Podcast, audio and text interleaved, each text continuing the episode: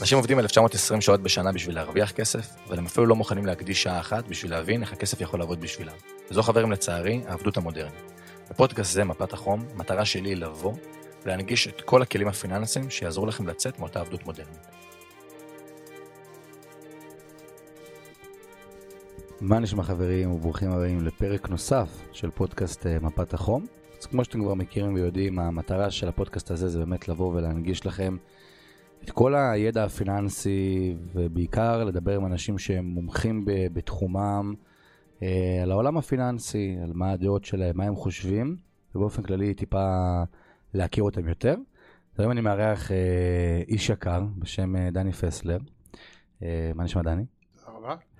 אה, בוא טיפה ספר למי שלא מכיר, אני מאמין שכל מי שחיפאי ושומע את הפרק הזה, בוודאות השם הזה מצלצל הוא מוכר, אפילו יותר ממוכר, אבל מי שלא חיפאי, אה, בוא ספר אה, עליך, על הרקע שלך, מי אתה? אז קודם כל תודה שאתה מארח אותי בפודקאסט שלך, תודה לך. כבוד. אה, אז לפי ההקדמה שלך אני חיפאי נאמן, אה, גדלתי וחי בחיפה. אה, רוב אה, וכמעט כל שנותיי המקצועיות בתחום החינוך. אה, מוכר בעיר חיפה כמנכ"ל מרכז חינוך ליאובק אה, במשך כמעט 20 שנה. עבדתי בליאובק 30 שנה. אני כן, גם תלמיד בליאובק, אז אני גם אה, בוגר ומורה אתה- ומנהל המערכת. כל חייך בלאובק. ממש מעגל חיים אה, שלם. שלם שלם. אבל בתוך השנים האלה גם הייתי ראש מינהל החינוך, התרבות, הרווחה והספורט של עיריית חיפה בקדנציה הראשונה של יונה יהב.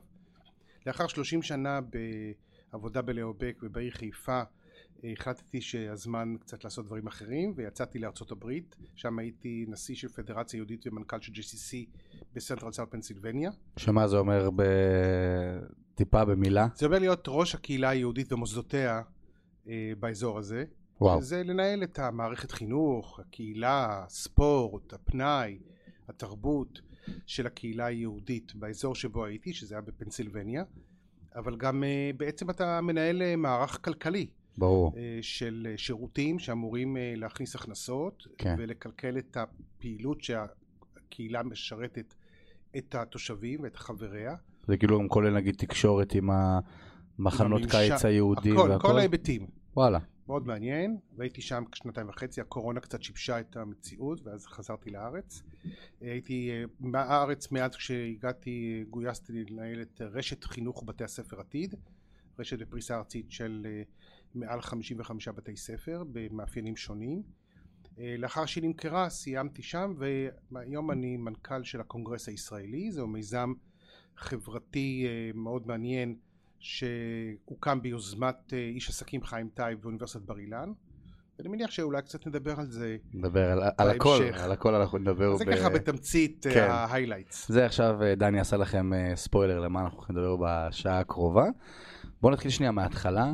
מה זה אה, מנהל בעיניך? איך אתה מסתכל על זה? גם בתור אחד שכמו שאמרת היית תלמיד, בתור מורה, וגדלת להיות... איך בן אדם שנכנס לארגון שכבר רץ, פתאום מנחיל את העקרונות שלו, את הערכים שלו, איך זה לבוא מלמטה ופתאום, לא יודע, לנהל אנשים שעבדת איתם כקולגות, א- איך, איך מתחילים? כן. אז יש הרבה שאלות ששאלת. קודם כל אני רוצה להגיד לך שניהול בית ספר בכלל במדינת ישראל ובכל מקום אחר בעולם, לדעתי זה אחד התפקידים הכי חשובים שקיימים. מדינת ישראל היום מתמודדת עם משבר גדול מאוד של מחסור במנהלים ומנהיגים, וזה חלק מהמשבר שמערכת החינוך עובדת, הוא הרבה יותר מורכב. אבל אני תמיד ראיתי, וגם היום, לאחר שעשיתי תפקידי מטה מאוד מעניינים, אין כמו לנהל בית ספר. החוויה שהייתה לי בלבק הייתה פשוט יוצאת מגדר הרגיל. ומה עשה אותה ככזאת? ראשית היה לי מנהל שקדם לי, שהיה עבורי דמות אה, ללמוד ממנו, וואלה. לקבל ממנו השראה, הרב ראובן סמואל, זכרו לברכה. אה, ו- ואחד הדברים שלמדתי ממנו, אולי כמה דברים, אחד אבל מרכזי היה אה, ל- להיות שם עבור הצוות והתלמידים. וידעת את זה. כן. לא היית צריך אה, לשאול או, או לשמוע הרצאות ונאומים, ידעת בהתנהלות שלו ובהתנהגות שלו כלפי כולם, שהוא פה כדי לקדם ערכים וכדי לקדם אותך. כן. אני יודע לתת לכל אחד את התחושה הזאת. שיח כאילו בגובה העיניים, אמיתי, אותנטי, לא סיסמאתי, לא בדיוק, קלישאות. כן. אה, דבר נוסף שהיה מאוד מעניין, הוא- הוא- שלמדתי ממנו, זה היה לחשוב בגדול ולהאמין שאם אתה תחשוב בגדול ותרצה להשיג משהו, בידך. וואו. ואם אתה צריך עזרה ממנו, אתה תקבל. הוא הוא שם. הוא שם. הוא והצוות. כן. הייתה- זה חלק מתרבות. את זה ספגתי אה, כחלק מהיותי תלמיד בלהובק, הייתי גם יושב ראש מועצת התלמידים בלהובק, והייתי כבר בתפקיד מנהיגותי כן. גם כתלמיד ומעורב מאוד בעשייה וכשהגעתי ללאובק כמורה אה, ידעתי שאני ארצה מהר מאוד אה, להגיע לתפקידי השפעה באמת התקדמתי בניהול מהר מאוד בגיל 36 כבר התמניתי להיות מנכ"ל לאובק המנהל השלישי של לאובק ב- בהיסטוריה שלו ובאמת אה, ה- העקרונות שאני הבאתי לניהול שלי זה היה קודם כל כל הזמן להיות בשטח להרגיש את התלמידים את הקהילה לא מאיזשהו שיח גבוה ממרום משרדי, אלא מתוך העבודה בשטח. לימדתי כל השנים. וואלה. שתיים, שלוש כיתות, בכל, בדרגות כיתה שונות. בהיותך לא מנכ"ל לאובק. בהיותי מנכ"ל. גם כי אני אוהב נורא את, ההורא, את הלימוד ואת המפגש הזה, ו- וגם להיפגש עם תלמידים בכיתה זה זה- הזדמנות מדהימה. מדהים. עכשיו מול, עם המורים אתה גם חלק מהצוות, אתה נכון. שותף למטלות, עבודת המורה היא עבודה קשה מאוד. מאוד. היא אה, עבודה לא רק ברגע שאתה נכנס לכיתה, זה לא מהשמונה עד אחת בצהריים. לא, זה, זה round the clock, זה 24-7, אתה, אם אתה כן. מעורב אישית ורגשית עם, עם האנשים, אתה לא יכול לגמרי. אה, להתנתק כרובוט, נכון. ולכבות את המכשיר. כן. יש אנשים שעושים את זה, וגם את זה אני יכול לכבד. אבל אני באתי עם, עם כל כולי, כדי לראות את התלמידים, כדי לתת להם את התחושה שאנחנו עבורם, ובונים לעצמם את התשתית כדי לצמוח ולשגשג. ואת זה אתה משדר. וכל הזמן הם ידעו, תלמידיי לאורך כל השנים, הן כמורה, הן כמחנך, מרכז שכבה ומנהל המוסד החינוכי, שאנחנו כל הזמן כאן בשביל לאפשר להם את הקרקע שתצמיח אותם למקום הכי טוב שלהם. ו- ואין מצב שלא הצלחת, ואם לא הצלחת או נכשלת במשהו, זה בסדר גמור. כן. מי שלא נכשל בעצם לא לומד, שזה נכון. לקח לחיים. מאוד. בואו ניכשל כדי ללמוד. בוא נלמוד מזה. בוא נלמד מזה. לא קיבלתי 40 במבחן, איזה מורה גרועה, כן. איזה מורה לא טוב. ו- ולהמשיך אה, הלאה. ולהתחיל ללמוד. לחפש אשמים. בול. אלא בוא, רגע, בוא נצמח. וזה גם שיח של תרבות עם המורים, שאומרים בעצם, נכשלת, נסגר העניין, נבוא בפעם הבאה, אולי תצליח יותר. נכון. אלא לא, בוא נראה את ההזדמנות. כן. שבכישלון הזה כדי להצליח, או איך למנף הצלחות, או בכלל להתחבר לכישורים הייחודיים של כל אחד. איך אתה רואה את התלמידים, גם בבית ספר גדול, לא בקיים בית ספר עם 2,500 תלמידים, שזה המון. שזה הרבה מאוד, גם כאן בכל דרגות כיתה, כן. אבל כל אחד מן הצוותים בתרבות רואה את המחויבות שלו או שלה לראות את התלמידים. לא כן. לדבר עליהם כאיזה עוד מספר שורה. כן. זה לא עוד- ברשימת עוד- הילדים. עוד אה, שיעור במערכת שאני לא. חייב לבוא ולהיכנס. והיום שאני יושב עם אנשים, כמו שמקודם, כשלפני שהתחיל הפודקאסט דיברנו, אתה מזכיר נכון. שמות של אנשים, ואני מכיר אותם. כן. ואני לא מכיר אותם רק כשם. זה, אני יכול להגיד אה, שאני... אני יכול להגיד עליהם דברים. בול, אני יכול להגיד שאני, ב- בזמן שדני היה מנכ"ל אה, לאובק, אני הייתי באותה שכבת גיל בבית ספר מקביל. אני בזמנו שקלתי לעבור לאותו בית ספר שדני מנקל אותו. באמת כי באותם שנים לאובק הפך להיות שם של מוסד חיפאי, שכולם מכירים את הריאלי כאיזשהו שם שהוא אוקיי? כלל ארצי, ופתאום לאובק נהיה באותה, באותה רמת ליגה, כאילו באותה, באותה רמה. כן. וגם אני זוכר חברים שלי שלמדו תחתיך, עד היום הם חברים שלי, שכאילו, אתה יודע, היית, כל מה שאתה אומר קרה הלכה למעשה, אבל באמת, כאילו, כל תלמיד, ופה כן, זה כן, ייאמר זה לזכות- שוב, זה לא קלישאות, זה בול. ממש אמיתי. זה- זה, זה, זה לגמרי, וזה אפילו היה אפשר לראות את זה, סתם אני בדוגמה, ב- בסרטוני סוף שנה שהם היו עושים ככה שמיניאדה וכל מיני דברים כן, שהיו כן. לכם, רואים אותך מעורב ופעיל ונמצא שם, משהו שהוא... בלי בלי מעורבות, עם כן. הרגליים ב- בשטח, אתה לא יכול לעשות שום דבר. אני גם האמנתי שהלימודים זה לא הכל, זה חלק אחד, אני לא מזלזל, הוא חשוב, אבל אה, כשאני הייתי תלמיד בלהובק, הרגעים הכי טובים והמשמעותיים שלי היו מחוץ לכיתה. שם התפתחתי. כשקיבלתי תפקידים והייתי אחראי על פרויקטים, הייתי די-ג'יי אפילו בי"א-י"ב, וארגנו את המסיבות, זה נתן לך כלים. כן, כלים למנ- מנהיגותיים. עכשיו, אותו מרחב שאתה, אני חוויתי, רציתי שיהיו לתלמידים שלי, וכל הזמן פיתחנו את הנושא הזה. א- איך יוצרים תחת תבנית מאוד מאוד ברורה של אנשים שהם חושבים שמערכת החינוך היא תבנית ולמידה ומקצועות שלמדו בפלמ"ח וכאלה, איך מכניסים דברים שהם עכשוויים, כמו שאמרת, טיפה דברים שהם מעבר לשעות לימוד הרגילות. אז אתה יוצא מנקודת הנחת, מהנחת עבודה, שבמדינת ישראל תעודת בגרות היא איזשהו אה, מפתח שאתה צריך לקבל. וזה לא המקסימום, זה לא התקרה, נכון. זו הרצפה. מפה מתחילים. שזאת הנחה שהרבה אנשים לא מקבלים אותה. כי יש כאלה ששמים את זה כתקרה, נכון. ואז גמרת את העניין. נכון, אז אתה הופך להיות מכון להכנה לבגרות. בול. אין כלום. אני אמרתי, תעודת הבגרות זו הרצפה. זה, זה כאילו, כאילו זה goes without saying, בול. כן? אנחנו חייבים, זה כמו שאתה בודק עסק, ואתה אומר וואלה, העסק מרוויח. כן. רווח זה המטרה שלו? לא, רווח זה תנאי לקיומו. בדיוק. סבבה, יפה. תעודת בגרות, מדהים. נכון? זה לא אני אמרתי, זה פיטר דרוקר, מומחה לניהול. כמו שאנחנו לא חיים למען החמצן, נכון? נכון. לא קמים בבוקר אומרים וואו, אנחנו ננשום חמצן, איזה כיף. לא, אבל זה חיוני, הכרחי לקיומנו. בול. גם תעודת בגרות.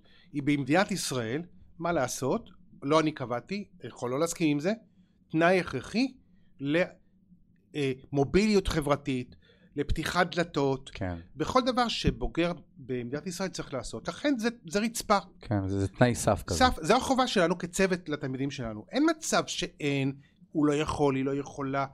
זו החובה שלנו. וגם ברגע שאתה מראה לתלמידים שלך שזה בדיוק. התנאי סף, הם כאילו אומרים, ועכשיו בוא נסתכל למעלה. בול. ומה זה למעלה? זה בדיוק המרחב שבין ה- הסף הזה של תעודת בגרות שאתה חייב, לבין ההתפתחות האישית שלך עם הפוטנציאל המנהיגותי. וכל אחד יש לו פוטנציאל. לקחת, לנהל את החיים שלו בעצמו, לקבוע מטרות, לזהות את המשאבים, לסמן מטרה ויעד, ובוא נראה איך אני עכשיו מגיע לשם, וכל אחד בתחום שלו, בספורט, באומנות, ב- ב- בציבור, הכל. הכל, בצופים, בתנועות הנוער, לא משנה מה. כן, ו- ואני ביקשתי מהצוות שלי להכיר את התלמידים ולזהות את זה ולעזור להם. ואם אין משהו שאנחנו מקיימים, בואו נעשה אותו. בוא ו- ניצור. בואו ניצור אותו. אבל אמרתי לתלמידים ב- בנאומים שלי בפתיחת השנה, אנחנו מציעים לכם פה המון אפשרויות כדי שאתם תפרחו. אבל אם משהו חסר, תבואו תגידו לי. תציפו את זה למעלה. תגידו, כי אתם יודעים יותר טוב ממני. כן. ובואו נעשה, נמצא את הדרכים. אתה יוצר פה כאילו ערבות הדדית שלמה, שותפות. בול. שותפות שותפות. מ- מלאה. כן, ו- ו- ולמשל אתן לך דוגמה לאחד הדברים שעשיתי בלאובק, זה היה הקמת מועדון תלמידים מדהים. ממש מקום כיף להיכנס אליו. אבל סגרתי אותו בהפסקות. פתחתי אותו בשיעורים. אמרתי לתלמידים, תראו בהפסקות, אני לא רוצה שתהיו במועדון, תהיו בחוץ. מדהים. אבל בשיעורים, אם לא בא לכם להיות בכיתה, לא מתאים לכם באיזושהי סיבה, לא משנה, אל תגידו לי גם את הסיבה. צאו למועדון. תהיו במועדון. וואו. מקום מוגן, יש לכם שם משחקים, מיקרוגל, טלוויזיות, מקום כזה סטלבט לנוח אם אתם רוצים, תהיו שם, אל, תש... אל תסתובבו סתם בחוץ. כן, אל ת... בדיוק. והרעיון היה, אתם אחראים בעצם ללמידה שלכם. כי המורים התקוממו, אמרו, מה פתאום שיצאו מהשיעורים ל... ל... עכשיו כולם יהיו כי כולם בחוץ. אמרו, זה כמו שכשהקימו בליאובק בריכה בסוף שנות ה-80, אמרו מה, בריכה?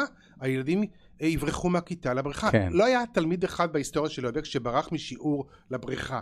לא רק שלא ברחו, היה לנו אתגר גדול לשכנע את התלמידים בשיעורי חינוך גופני להיכנס לבריכה, זה מדהים. כי אחר כך צריך, אתה יודע, להתקלח ולהתלבש, וזה טרחה. כן, זה כבר נהיה כשיש לך קאדר. את הבריכה, זה כבר לא אטרקציה. כשאין לך אותה, זה אטרקציה. זה בדיוק כמו שאתה אומר לילד, אתה לא יכול, אז הוא מאוד מאוד רוצה. בדיוק, אתה שם שאתה אומר לו, אתה יכול, לך לך, למועדון. לך למועדון. כן, אני לא עוצר וראה איזה בעדיך. פלא, אף, לא ברחו המונים מהכיתות, אנשים יישארו, ומי שבאמת לא יכל ולא רצה או לא הצליח, או לא, לא יודע, לא בא לו, כן, הלך למועדון. ואף אחד לא נפל בלימודים, להפך זה הרים את האנשים, כי גם היה שם שיח טוב. נכון. אז זו רק דוגמה. עכשיו, ל- לעניינים של, אה, שלנו, אחד הדברים שאני למדתי בלהיאבק כתלמיד היה במגמה למינהל עסקים וסחר בינלאומי, שהייתה מגמה ייחודית. וואלה. שנבנתה אז עם אוניברסיטת תל אביב. ש- כשחזרתי ללאובק, הצטרפתי כצוות המורים במגמה, ובעצם כתבנו את כל התוכנית מחדש. כל מערכי השיעור, כל התכנים. היא הייתה מבוססת על לימודים, לימודי יסוד בניהול, ממש תיאוריות ניהוליות, כמו למשל פיטר דרוקר ואחרים, כן, חשבונאות פיננסית, עם הבנה בשוק ההון, עם ממש יסודות בסיסיים ברמה שנבחנים עליה בבחינת בגרות פנימית, וכלכלה, למדו כלכלה. וואלה. תוכנית של חמש יחידות לימוד, מצוינת ומדהימה, שמצליחה עד היום, ונתנה לקבוצת התלמידים שבחרה ללמוד מוגר ב' את, ה- את ההבנה של העולם הכלכלי והניהולי ארגוני. כאילו זה היה ש- מקצוע בחירה, כמו שמישהו יכול מוגבר, ללמוד כן. פיזיקה, כימיה, כימיה, גיאוגרפיה כן. כאלה, זו הייתה תוכנית ייחודית שלנו, אנחנו כתבנו אותה. שמשרד החינוך אישר אישר והכל. אותה, כן, וכל שנה היינו צריכים את הבחינה הייחודית שלנו לאשר ב- עם אה, שלושה שופטים שבדקו את השאלון, שהוא ברמה, והיה מצוין. שמצד אחד זה יוצר התעסקות מצד המערכת שלכם, מצד שני זה נותן לתלמיד פתאום אפיק חדש כן. ללמידה. והיו שנים שהמגמה הזאת הייתה מוצפת בבקשות להיכנס אליה. וואו. ורצו מאוד ללמוד בה ולא מעט תלמידים שאני פוגש לא מזמן פגשתי בבית קפה בחיפה בוגרת שלי מדהימה שהיא עושה עכשיו דוקטורט בהתנהגות ארגונית היא אומרת כל מה שאני עושה היום בלימודי מבוסס. הדוקטורט זה בגלל האהבה שאתה הכנסת לי כמורה שלי למינהל עסקים וואו. אה, במגמה כשהייתי תלמידה בי"א איזה וב'. מדהים לשמוע את זה. כן? זה משהו שכאילו... יש עוד מלא סיפורים כאלה. ברור. מלא סיפורים. אני לא מכיר 20 סיפורים אני אתן לך לפחות. אחד שאני גאה בו. אתה מכיר את אה, פרופסור יובל נוח הררי? מה זה... מי לא מכיר? מי לא מכיר? אז הוא בוגר לאובק, מכיתת מחוננים, ואני לימדתי, לימדתי אותו היסטוריה שלוש שנים. וואו. כן? אתה לימדת אותו. כן, הייתי גם מורה להיסטוריה. וואו. עוד לפני שניהלתי את לאובק, זה שנים שהייתי מהם מורה. והוא היה בכיתה תלמיד מדהים.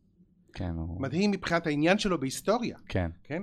ולימים כשהוא... הוא- הוא- הוא באמת- הוא באמת הלך ופיתח את זה גם אחרי זה. למעשה, ל- הוא הפך להיות סטאר עולמי. כן, כן. כן? הוא- אבל זו גאווה שאת ה, את ה, את החיזוקים ואת הרצון להמשיך בלימודי ההיסטוריה, אני בטוח, אולי תרומה קלה כן. הייתה לי פה ושם ב, בהתפתחות שלו. אתה חשפת אותו ל... כן? והוא לתחום המשיך, אה, הזה. והמשיך ופיתח את זה לדברים מדהימים. ברור. אז יש לך הרבה מאוד דוגמאות איך בעצם אה, מורה יכול להיות השראה לתלמידיו, יכול כן. כן. להיות גורם שמפתח אותם, שמראה להם את הדרך, שמייצר להם כיוון ומעודד אותם, תראו זה מעניין, תחקרו, תלמדו, זה שלכם בסוף. כן. ו- ואנשים עושים את הבחירות שלהם. אם, אם, את- אם לא תופסים את המורה כרק איזשהו טכנאי שמלמד אותם חומר לבחינה, ואחרי הבחינה נגמר הדיאלוג, הנה, לפני, אה, לפני שני פודקאסטים. פספסנו. לפני שני פודקאסטים אה, ישב פה בחור מדהים בשם אה, נועם שפלטר, שיש לו גם 17 חברות בעם, הוא מתעסק ויש לו מכללה ללימודי פיננסים. הוא אומר שהוא בהיותו בתור תלמיד, יא- הבעיה שלו במרכאות עם מערכת החינוך זה שבאמת מה שאתה אמרת שבלובק זה לא נהוג, העניין הזה של אם זה לא לבחינה אז לא צריך לבוא וללמוד. כן. שהוא תמיד היה מרים את ה- את האצבע והיה שואל את, ה... שואל את המורה שאלה, את אומרת לו, אבל זה לא לבחינה.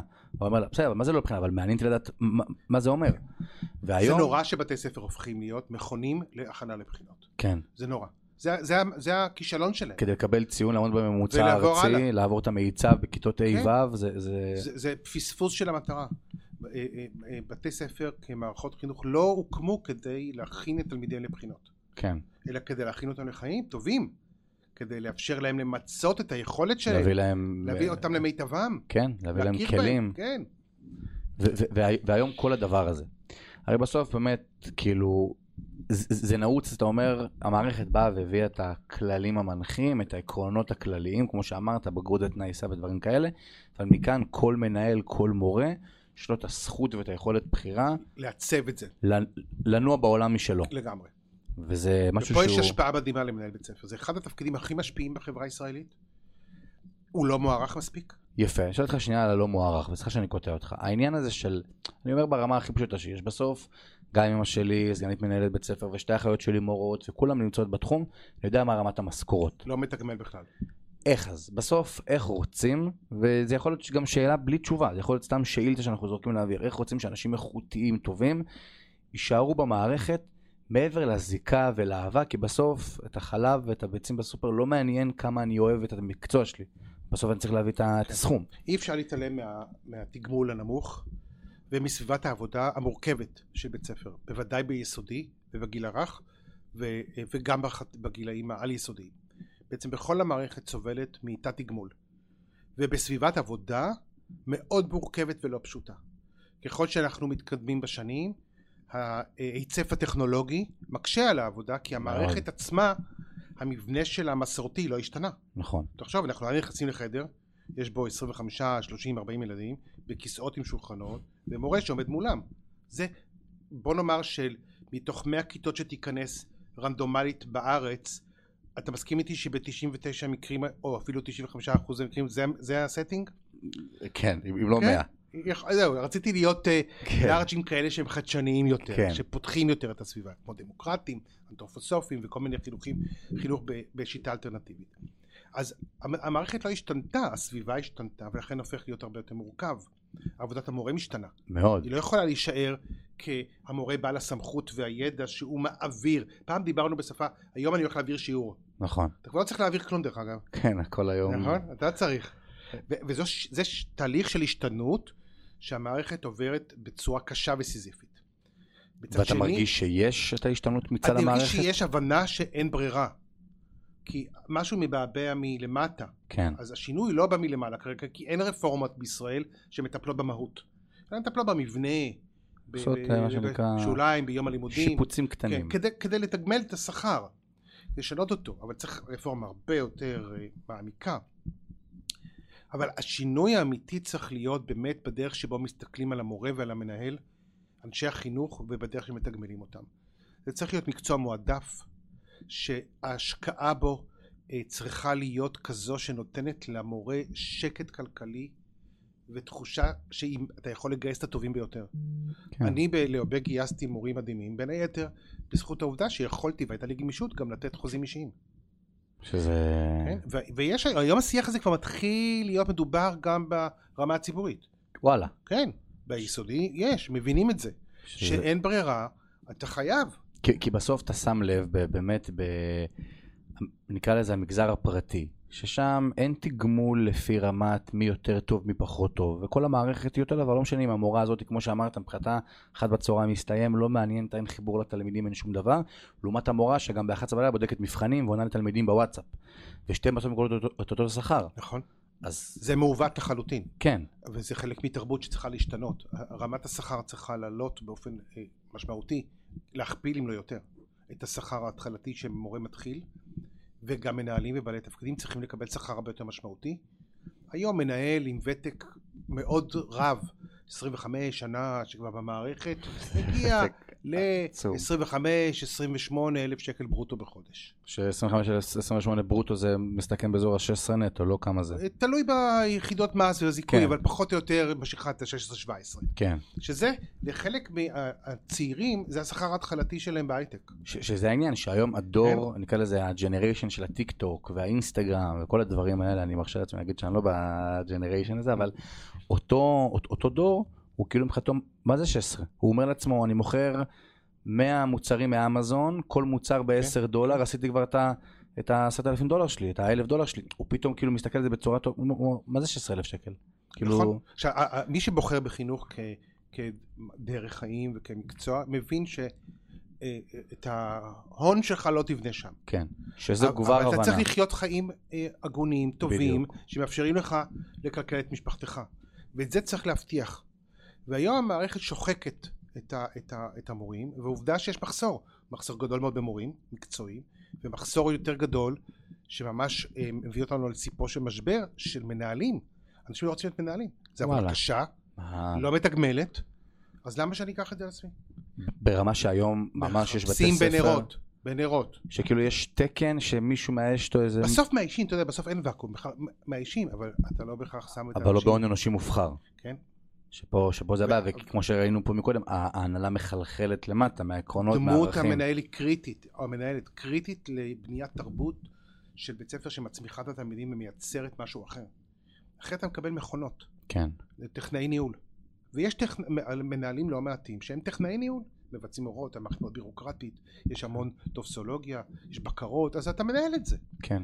אבל ה- ה- התלמיד לא מקבל איזשהו אה, מפגש משמעותי עם בית ספר שמצמיח אותו, שמוכן גם כל הזמן להשתנות, כן. הוא, אלא אתה עובד באיזושהי תבנית של קו ייצור. בדיוק. הוא עומד בתנאים של לעמוד ב- במבחנים שצריך להציב לו ו- לא מה... וזה משבר גדול, והמדינה צריכה לטפל בזה, היא נמנעת מזה כרגע. כן, שזה משהו שהוא... אני מכיר את זה גם מבית, ו... כן, וזה כן. נמצא שם, אבל אמרת משהו שהוא, שהוא נכון, ואני חושב שגם כל אחד צריך לבוא ולשים את זה, כמו היום, אפשר גם לראות, אה, נגיד, אה, חבר'ה שנמצאים בצבא לא בהכרח במקצועות קרביים והכל, צריך להיות פה איזשהו אספקט נוסף של, אני בא לזה מטעם, מטעם השליחות. כמו שאמרת, את המיליונים אני לא אעשה מתחום ה... העבודה הזו מתגמלת ברמות, כן, אה, לא בכסף. בדיוק, ברמת הסיפוק. כשאתה רואה את הסיפוק מהתלמיד או תלמידה שלך שהגיעו כן. להישגים מדהימים, ואתה יודע שהיה לך חלק קטן שם, כמו עכשיו, אתה יושב בבית קפה, פתאום מישהו כן. מגיע אליך, זה לא משהו שנמדד בכסף, אבל התחושה הזאת, אין, והחיוך שהיה לך פה, אין לזה, אין אין- לזה, אין לזה תחליף. אין לזה תחליף. כן, וה- ואני מכיר על, על אימא שלי את המכתבים שמקבלת בסוף שנה, ופתאום איזה מיני גיפט קארט כזה וזה פרחים, שזה לא בסוף גורם לה עכשיו לקנות את החופשה בחו"ל. אבל מבחינתה זה הדבר הכי כיף בעולם, והטיולים וכל הדברים האלה.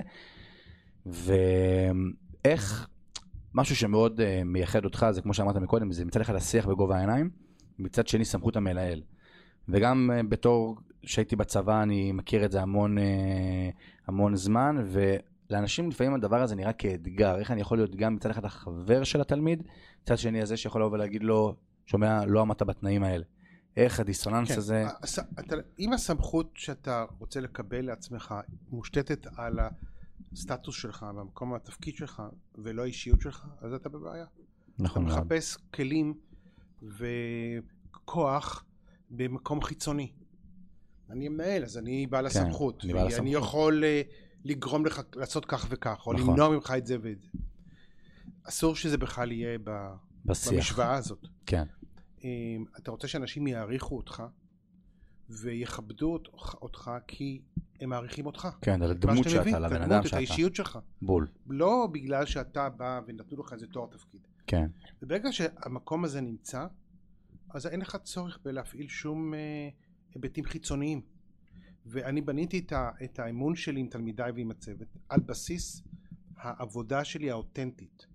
תחושה שנתתי לילדים שלי, שאני, לילדים שאני אוהב אותם, שאני דואג להם, שאני פה לדאוג להם. כן. כי- ו- ומתוך וכמו הדאגה שאמרת, הזאת, לא כקלישאה, אלא לא, באמת. אמיתי, אמיתי, מזהים, ילדים מזהים את זה לא. תוך שתי דקות, ב- כן. שתי דקות, אפילו פחות, כן. ו- ו- ו- ומזהים את זה, ואז אומרים, רגע, הבן אדם הזה הוא פה בשבילי, כן. ואני מעריך את מה שהוא עושה, ואנשים צריכים מבוגרים משמעותיים בחייהם, בעיקר אה, חבר'ה צריכים- שנמצאים בגילאים האלה של... ודאי בגיל ההתבגרות, כי מתרחקים רגע מההורים, נכון, כי זה חלק מהמרידה, נכון. נכון? ואז פתאום... מתנגד מהבית, אתה כן. מתרחק ממנו, אחר כך חוזרים אל הבית, ברור. אבל אתה בגילאים האלה, אתה... מותח את מותח את הגבול, אתה הגבול, לא. טיפה... אז, אז אתה, ואתה צריך במקומות אחרים, אתה מחפש את האנשים שיוכלו אתה דמות נותן אב, לך- אתה דמות כן. אם שנמצאים נותן שם. לך כלים, נותן לך הכוונה, עצה טובה. ואני תמיד הייתי שם במקום הזה. שמה שאתם רוצים, בזמן השיעור, אחרי השיעור, לפני השיעור, בס- יוצאים במשרד, בחוץ, יש- לא משנה, תמיד אפשר לעשות שיחה. תמיד אני פה בשבילכם, וגם הצוות, הרוח הייתה שגם אני רוצה שהצוות שיהיה בדיוק במקום הזה. כן, ו- ו- ולא הייתי צריך להשתמש באיומים ובסמכות, וכשהגעתי להופיע בפני תלמידיי, או כשכעסתי על התנהגות לא ראויה, כן? אירועים, כן, אם יש אלכוהול בטיולים, או התנהגות לא בסדר בס- בטקסי סיום שנה של י"בים כזה. כן, אז את- בסוף הכל, מד...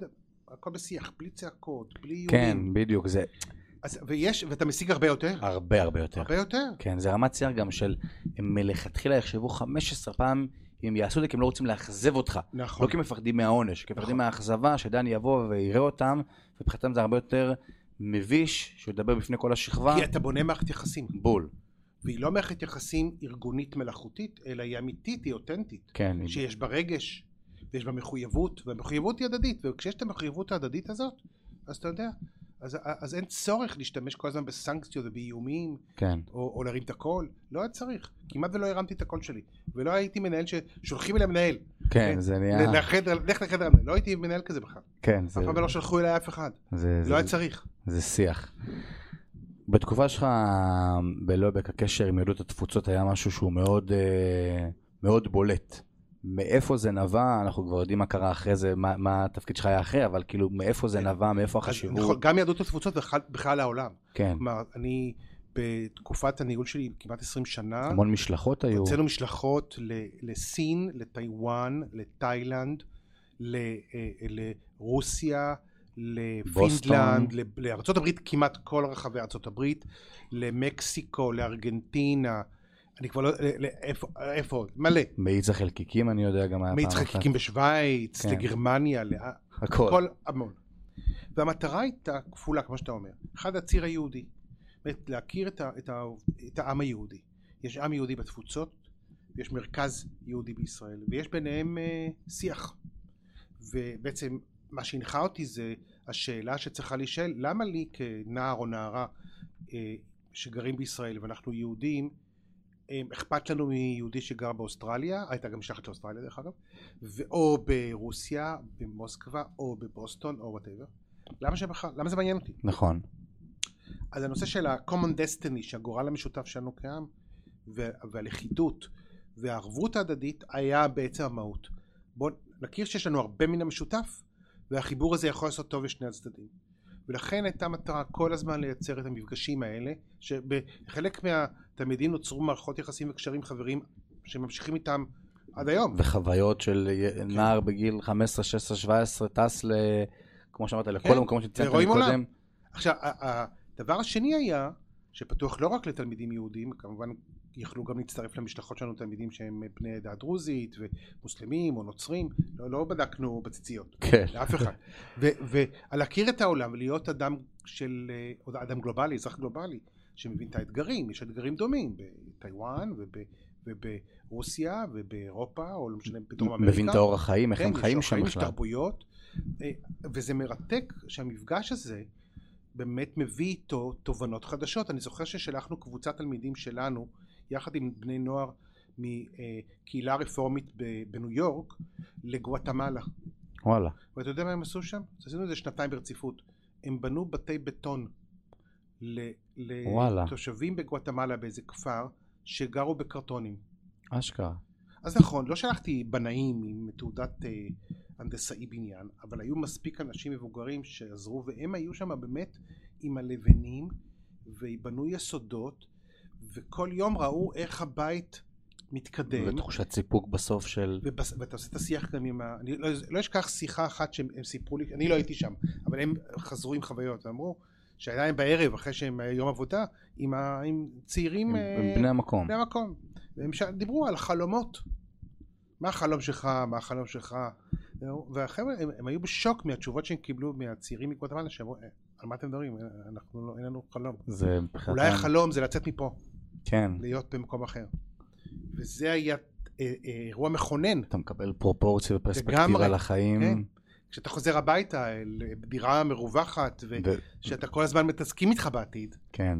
ואתה בונה אותו, ושם בנית בית, כדי שמישהו יהיה- תהיה קורת גג, זה נותן פרספקטיבה, וואו. וגם מעצים מאוד זה... את המקום שאתה יכול להיות בו כדי אה. להשפיע, לתקן את העולם. אתה פתאום מבין שנייה מה- מה המהות שלך, קודם כל איזה בר מזל אתה, אתה מקבל פרספקטיבה עליך בתור בן אדם שגר בחיפה ומתלונן אולי שאמא שלו לא הכינה לו פתיתים בערב, אתה פתאום מקבל שנייה פרופורציה עד לרמה שאתה אומר כאילו, איך אני יכול להשפיע על בן אדם אחר בעולם? בדיוק, ורק כשאתה חווה את זה, לא לומד על זה מרחוק, כן. או קורא את זה באיזשהו... או רואה את זה באיזה בסרט. סרט או בסרטון. היית שם, פגשת את האנשים, אתה שם את הלבנים שם, את ה- בבטון, התעסקת בבטון, זה חוויה מסוג אחר לגמרי. שזה, שזה מדהים.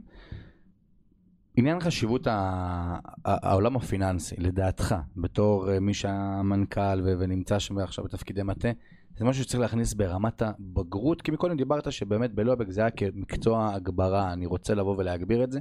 האם זה חייב להיכנס כמו תנ"ך, ספרות, היסטוריה? לא עכשיו ברמה של איך אני מנתח דוחות כספיים של חברה, אלא ברמה הכי פשוטה שיש. מה זה ריבית, איך הלוואה במדינה מורכבת, מה זה פריים, הדברים האלה. איפה זה צריך להימצא? אז אחד הדברים שאני מוצא בהם בעיה זה הדירוג בין חשיבות המקצועות. מי ש... מקצוע שאתה נבחן בבחינת בגרות הוא חשוב, ומקצועות שאתה לא נבחן בבחינת בגרות הוא פחות חשוב. עכשיו, אין בגרות בחינוך גופני, נכון, אבל אין ויכוח שזה נושא מאוד מרכזי, נכון. נכון? אה, וחשוב. אני חושב שהחינוך הפיננסי, בכלל אוריינות פיננסית, כן, ההבנה של העולם הזה קריטית. כמו חשבון בסיסי, כמו שפה. כמו בול. כמו מתמטיקה שזה שפה. כן. כן. זה שפה. אתה לא יכול לצאת אל העולם כאדם בוגר בלי שאתה מבין את השפה הזאת. אם אתה בלי זה, אתה יוצא עם חסכים. ולכן, יש תוכניות בארץ, די, די הרבה תוכניות, נכון, שפותחו. אני לא יודע להעריך את כמה הן היו אפקטיביות או לא, אבל יש תוכניות לחינוך פיננסי מגוונות מאוד, והרבה בתי ספר גם עושים את זה. נותנים שעה בשבוע פה, שעה בשבוע שם. אמ, אם, השאלה אבל האם השעה בשבוע פה, שעה אם זה בשבוע שם, מספיק מעמיק וחשוב. זה לא כזה לסמנב את זה, כאילו כי כן אני דואג כן. לבית ספר שיהיה לי, אז יכול להיות שאתה צודק שזה באמת אה, תוכנית אה, שבסוף לא משאירה מספיק כלים וצריך לעשות את זה באופן הרבה יותר מעמיק ואולי גם לאורך שנים לבנות את זה כי כשאתה נותן את זה 10 ברור. או 20 שעות בסמסטר רק כדי להגיד נתתי קצת אז זה באמת ככה נראה כן. אבל שפה אתה לומד לאורך אה, כמעט 12 אתה שנה גם בוחן את ההשפעה של זה על אותו בדיוק. בוגר שסיים ב-2008, רק נכון.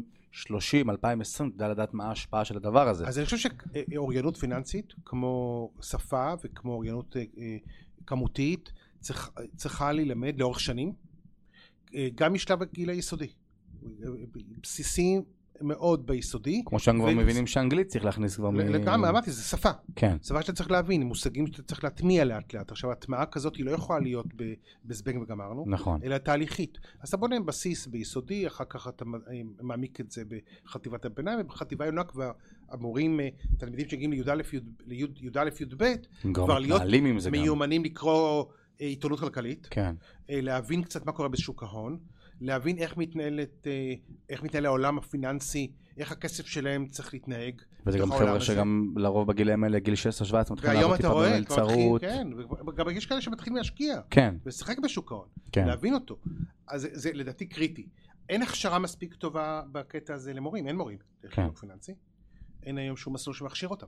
תחשוב, אתה מסיים אוניברסיטה, אם למדת כלכלה, כן, אבל זה לא גושפנקה, אני לא חייב תואר אה, כמה כאלה בחינוך יש? בשביל... לא, אבל זה לא איזשהו אה, אה, מקצוע או מיומנות, זו מיומנות שאין בידי המורים כדי ללמד אותה, כמו מיומנויות אחרות שדרך כן. אגב, שהן חשובות, חשיבה יצירתית, חשיבה ביקורתית, תקשורת מילולית, הבעה בעל פה, מול, עמידה מול קהל, אה, כל אלה מיומנויות שהן לא ממש מטופלות ישירות, נכון. כי המורים לא, מוכש, לא הוכשרו לזה. זה משהו שאם למורה יש את זה מבית, אז הוא אז מוסיף הוא את נוס- זה. בדיוק. אבל אם אין לו את זה, אז אז זה לא משהו שהוא ולרוב מוכשר אליו. רוב המורים, גם אם יש להם, אולי לא ידעו איך לעשות את זה. כן. אולי יפחדו איך לדבר על זה שנייה, כי זה נכון. מאוד אינדיבידואלי וזה בדיוק. מאוד אישי. וזה אה, אחד הדברים שצריך אה, לשפר במערכת החינוך.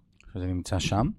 אמ, טוב, מדהים, יש לי עוד המון המון שאלות לשאול על, על, על לאופק ומה נמצא שם, אבל אה, טוב, יש עוד הרבה דברים שעשית בחייך, אז מה זה הקונגרס הישראלי, שאני שמעתי את זה פעם ראשונה, עשיתי טיפה גוגל, כן. קראתי, הבנתי שזה משהו שהוא חדשני, בא לעשות, אגב, מאוד קשור לידי ביטוי במה שקורה היום במדינה, על ה- לגמרי.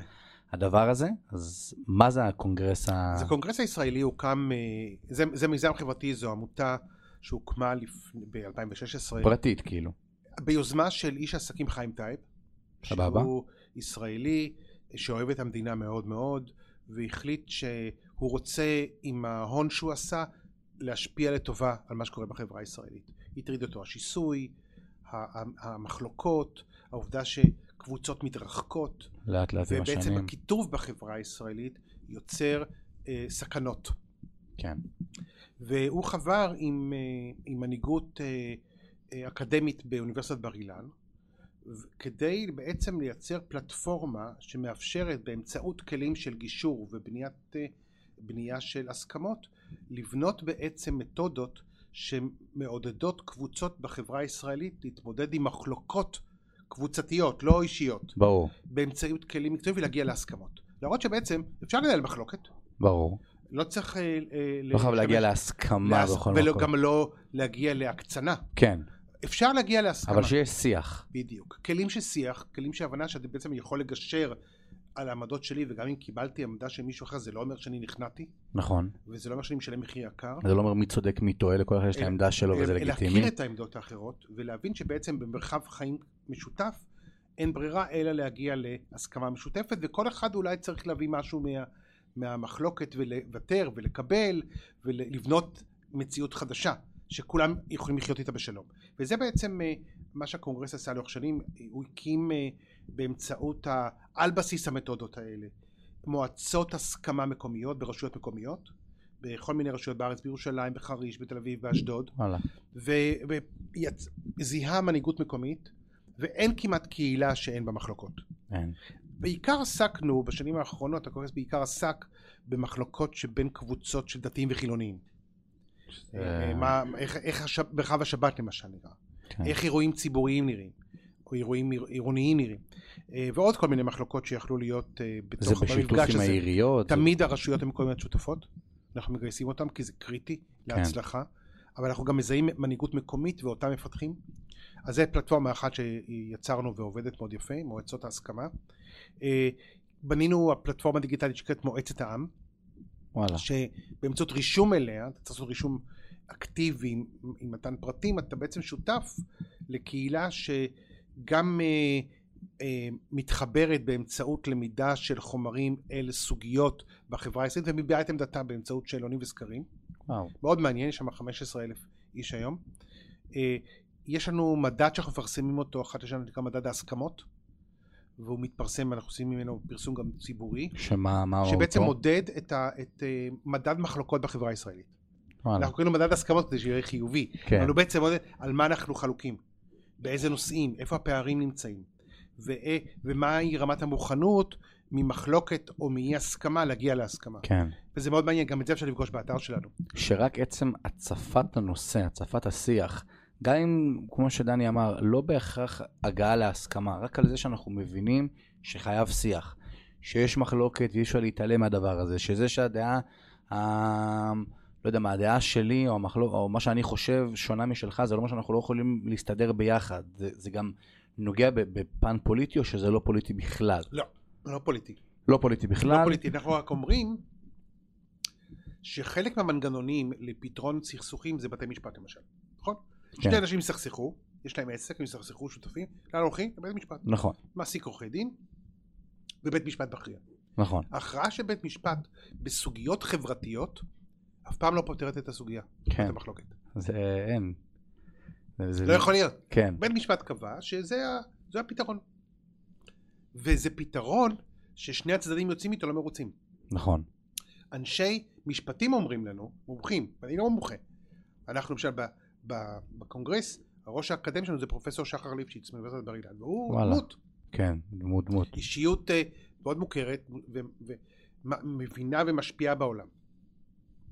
בדרך כלל כשאנשים יושבים ומגיעים להסכמות בינם לבין עצמם, ההסכמה והפתרון היא הרבה יותר טוב מאשר פסיקה של בית המשפט שיכפה את פסיקתו על בסיס נכון. נורמטיבי על הקבוצה הזאת. זה כמו שעושים בגישור בין שני בני זוג שהתגרשו. קודם כל, נכון. מה העורך דין תמיד אומר? תגיעו להסכמה ביניכם, כי בית המשפט יפסוק משהו, ובוודאות... אף אחד לא יחיה איתו טוב בסוף. בדיוק. כן. עדיף- עדיף שתגיעו להסכמה ביניכם. אתן דוגמה למשל, לאחרונה אה, אה, תוקן חוק המצות בישראל שאסור להכניס חמץ נכון. בתי חולים, וב, והשומרים אה, בשער יכולים לחטט בתקרה כדי למצוא שם חמץ. נכון. רוב בתי החולים לא אכפו את זה, נכון. אבל נקבע חוק. עכשיו, אה, ה- אפילו מנכ"לי בית החולים אמרו שהם ב- ביודעין עכשיו- לא יאכפו את זה. ב- בדיוק ידעו בדיוק למה זה יביא. כן. עכשיו, א- אנחנו באים עם המתודה שלנו ואומרים, רגע, אם הייתה פה סוגיה של אה, אה, חמץ בבתי חולים בתקופת הפסח, רגע, בוא נשיב את האנשים שמעורבים בזה, כאלה שזה חשוב להם שלא ייראה חמץ, וכאלה שאומרים, לא אכפת לנו בעצם. יש גם כאלה שהם בכלל לא יהודים בבתי חולים וגם הם צד בעניין. נכון. ובוא נשב יחד ונראה. הם אפילו צד מרכזי, כי הם כופים כן, עליהם משהו עליהם שבכלל... בכ- בדיוק. הם אפילו לא קשורים לזה ברמת הדת. כן. אז אין, אין אה, מחלוקת שאתה לא מכניס חמץ לאזור הציבורי, לחדר האוכל של המחלקה. כן. אבל ליד מיטתו של החולה, יכול להיות שאפשר לייצר איזשהו מנגנון שמאפשר את זה. עכשיו, אני רק אומר שאם היו מביאים את, ה, את, את כל בעלי העניין לשבת יחד סביב שולחן, ובמתודת גישור להציע פתרונות, היינו מקבלים פתרונות יותר טובים מהחוק. זה, זה מה שעכשיו, אם אנחנו לוקחים את זה למה שאנחנו חווים היום, זה מה שמנסים אמת. לא. לעשות בבית הנשיא. ב- בדיוק. בואו תיפגשו, תדברו ביניכם, עזבו שנייה פוליטי, מה אני מעדיף, תדברו, תבינו שיש פה עם אחד נכון, שלם, נכון. תבינו שנייה מה קורה, נכון. בין אם מי שמסכים עם הרפורמה, לא מסכים עם הרפורמה, בסוף, עכשיו, זה האתגר, דרך אגב, האתגר שאנחנו חווים בישראל, של הקיטוב. כן, הקיטוב בין העמדות, בין הקבוצות, הוא אתגר שאתה מוצא אותו בכל העולם המערבי. באירופה, בארצות הברית זה עוד יותר חמור מאשר בישראל. נכון, ואני חושב שדווקא אצלנו, על בסיס אה, תרבות המחלוקת שכל כך מושתת ביסודות היהודיים, הרי כל היהדות נבנתה על מחלוקת, בית שמאי ובית הלל. נכון, כן, ה- הלימוד היהודי הוא תמיד בחברותא עם, עם דיונים בין אה, זה לבין זה על אותה שאלה, בסוף מגיעים לאיזושהי הסכמה. כן, וחיים איתה. אה, ואני חושב שאת זה צריך יותר ויותר להטמיע בתוך החברה, להחזיר את זה כן, למהות שלנו, וגם כאן יש למערכת החינוך תפקיד. ברור, לא להימנע, הרי מה שאתה רואה היום, מפחדים לגעת בזה. כי- מפחדים, הכל, כי הכל פוליטי. כן, כן, מה יגידו? בדיוק, וכמו שאמרת, למה השאלה הראשונה שלי הייתה אם זה מה שנקרא קבוצה ישראלי זה, זה משהו פוליטי, אמרת לא, לא. לא חייב שיהיה פה מפלגתי ימין, שמאל. אידיאולוגי. בדיוק, זה יכול ממש להיות לא. עניין של כן. תקשורת בין אנשים. עכשיו, אתה יודע, כשאתה אומר את המילה פוליטי, אז אתה מיד חושב על מפלגתיות ואידיאולוגיה, ימין בול. שמאל. עכשיו, פוליטי זה לא דווקא להיות אה, מזוהה עם, עם כיוון כזה או אחר, פוליטי זה להיות מעורב. נכון, כן? אריסטו אמר שהאדם הוא יצור פוליטי ב- ב- מטבעו, מלידה. כן. וזה אומר שהוא מעורב בתוך הציבור שבו הוא חי, ורוצה כי להשפיע. חשוב לו, כי אכפת לו, אכפת לו, הוא חלק מזה. נכון, ואני חושב שבית הספר, אה, חלק מתפקידיו זה בהחלט להכשיר את הצעירים להיות אנשים פוליטיים בתוך סביבה שדמוקרטית שמאפשרת להם להשפיע. אם לא יהיה להם את הכלים, איך הם ישפיעו? כן. איך תהיה אזרח משפיע? אז הם יהיו ניזונים רק מה שמסבירים להם ומראים להם שזה במדיה החברתית. נורא. נורא. כי נורא. המדיה החברתית נולדה, זה היה אפילו סרט בתקופת הקורונה, זה סושיאל דילמה שבאה ואמרה איך מראש האלגוריתם ב- ברמת ה- מאחורי הקלעים בכוונה מראה לי מה שאני אוהב לראות, בדיוק. ומראה לך את מה שאתה אוהב לראות, כי אם הוא יראה לי את מה שאתה אוהב לראות אני לא אראה. אני אגיד מה הוא ו- מראה לי? מה שאני-" ועל זה תוסיף את הפייק ניוז, נכון. שהיום התקשורת, חלק גדול ממנה הוא בכלל אה, לא מבוסס על שום עובדות. כן, והיום אתה זורק משהו לאוויר, אפילו לא בודקים אם כן, כי כל אחד רוצה להיות ראשון שפרסם, בדיוק. ואין בדיקה מעמיקה של מה שקורה אחרי זה, וגבר אם טעינו, אז אנחנו מצטערים וממשיכים הלאה לאייטם הבא, לכתבה הבאה, וההוא רב, הוא בכלל לא ראה שהם התנצלו, ונוצר איזשהו כדור שלג, שמוביל אותנו בסוף נכון, לקבל דעה ו- מוטעת. וזה חשוב לתת לצעירים של היום כלים לחשיבה ביקורתית, חשיבה עצמאית. איך אני רוא- מוצף באינפורמציה, ש... ואני מבין שחלק גדול ממנה בכלל לא מבוסס ואין לו קשר לאמת, כן, למציאות.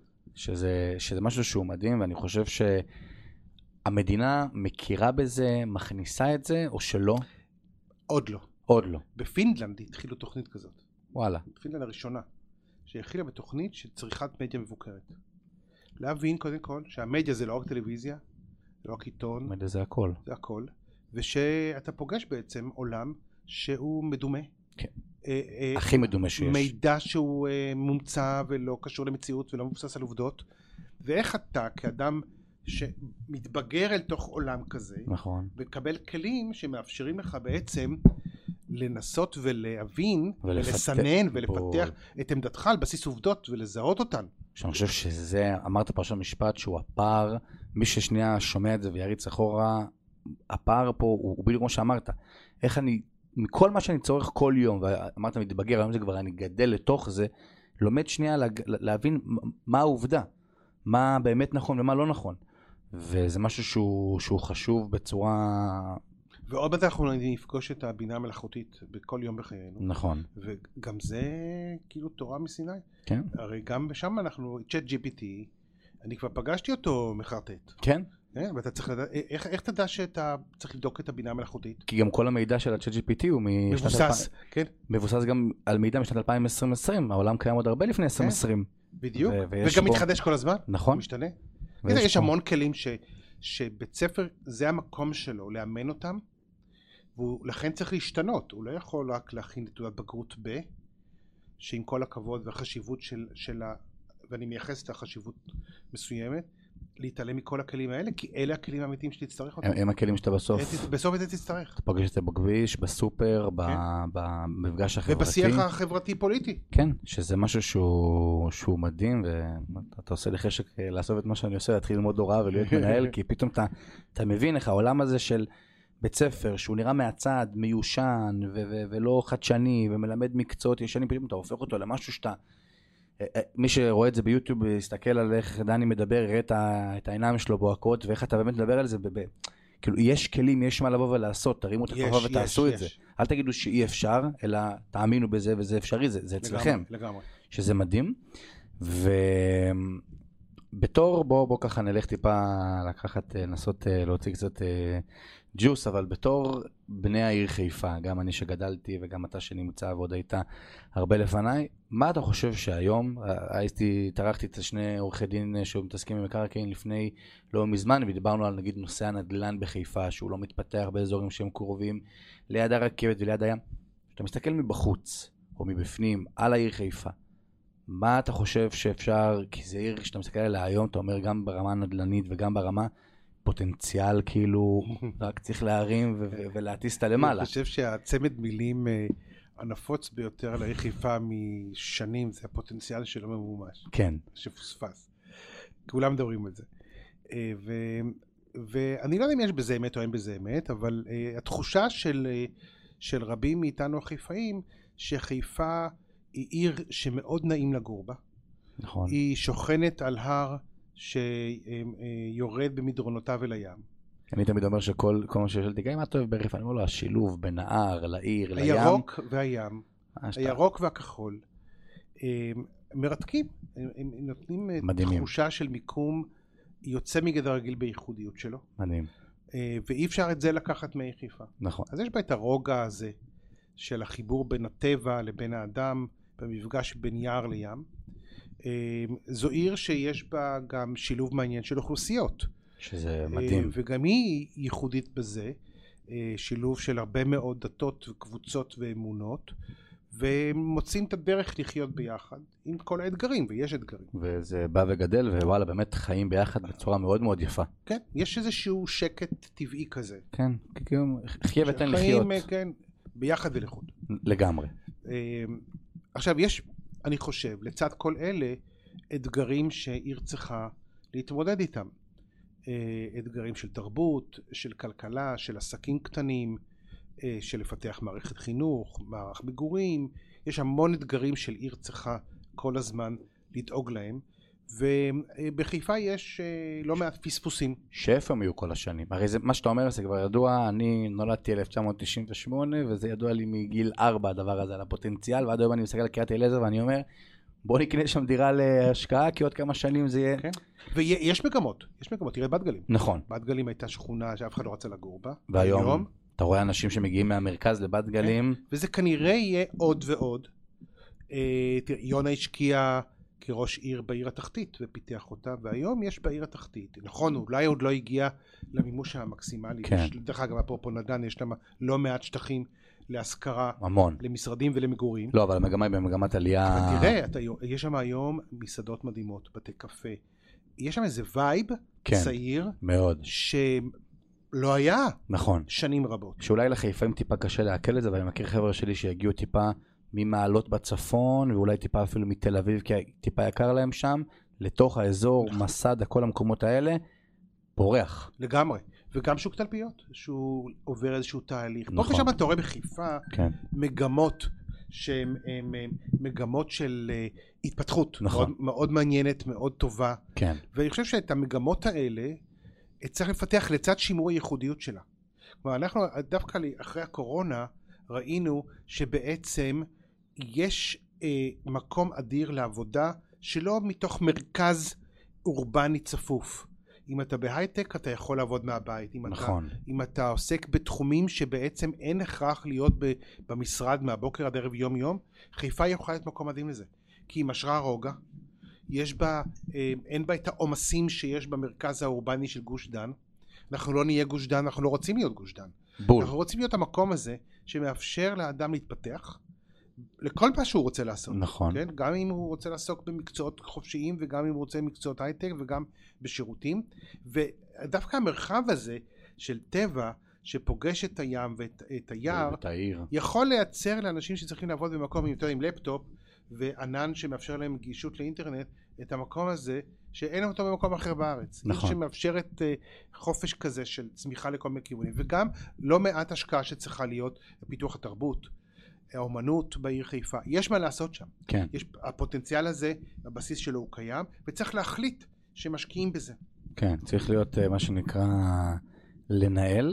אה, עם כל מה שאתה, שאתה אומר פה, יש אה, רצון, שאיפה, להיות, אה, ניקח לזה, ראש העיר, המנהל הכללי של כל הדבר הזה. כמו בבית ספר, גם בעיר צריך מנהיגות. נכון. או במדינה, צריך מנהיגות שמובילה, שיש לה חזון, ויודעת לגייס את האנשים ואת התמיכה ואת המשאבים כדי לבצע. שזה, שזה מדהים.